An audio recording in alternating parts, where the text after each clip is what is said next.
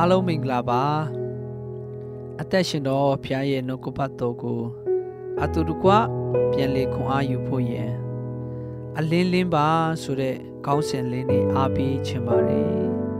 ရှင်မတိခရစ်ဝင်ကျမ်းအခန်းကြီး9အပိုက်ငယ်14ကကြီးပိုင်းကိုဖတ်ခြင်းပါတယ်တင်တို့ဒီဤလောကဤအလင်းဖြစ်ကြ၏ ဒီနေ့ကျမ်းစာကဘာကိုပြောနေတာလဲဖျားသခင်ဟာအလင်းရှင်ဖြစ်ပါတယ်ထိုမြမက သူ့ကိုယုံကြည်သောကျွန်ုပ်တို့အားအလင်းအဖြစ်ဤလောကထဲမှာထားထားပါတယ်အမောင်ထဲမှာသွားနေသောသူတိုင်းအတွက်မရှိမဖြစ်လိုအပ်သောအရာဟာအလင်းဖြစ်ပါတယ်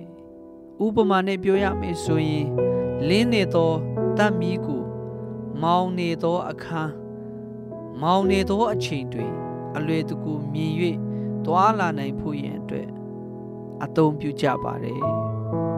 ထိုနည်းတူကျွန်ုပ်တို့ယုံကြည်သူများလဲလောကမောင်မိုက်သေးတွင်ကျင်လေနေကြသည့်မယုံကြည်သူများရှေ့၌အလင်းလင်းဖို့ရန်လိုအပ်ပါတယ်ကျွန်ုပ်တို့နေ့စဉ်အသက်ရှင်သွားလာခြင်းရှိသော ပုံသက်တည်ကောင်းများကို မယုံကြည်သူများတွေ့မြင်ပြီးယခုဘဝနောင်ဘဝနဘဝလုံးကိုတာဝန်ယူလမ်းပြသောအလင်းရှင်ယေရှုခရစ်အားမြင်တွေ့သွားဖို့ရန်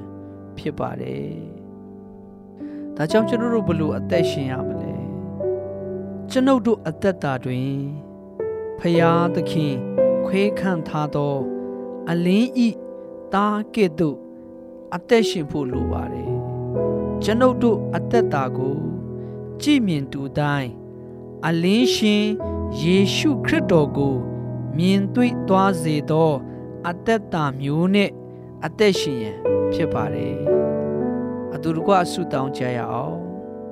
ကောင်းမြတ်သောအဖယုံကြည်သူများ၏အသက်တာထဲမှာဇာတိသွေးသားဆန္ဒကိုဦးစားမပေးမိဖို့မဆာတော် ကိုရောကိုအားကိုလက်ရှောင်နိုင်ဖို့ကူညီပေးပါဖះလူတော်ကိုရှာတတ်စီပါကောင်းမြတ်တော်မူသောအဖကျွန်ုပ်၏အသက်ရှင်တွာလာခြင်းထင်မှာသူတစ်ပါးရှင်း၌အလင်းတီးဟုသော ပုံသက်တေကောင်းဖြစ်စေရန်အတွက်ကူညီပေးပါ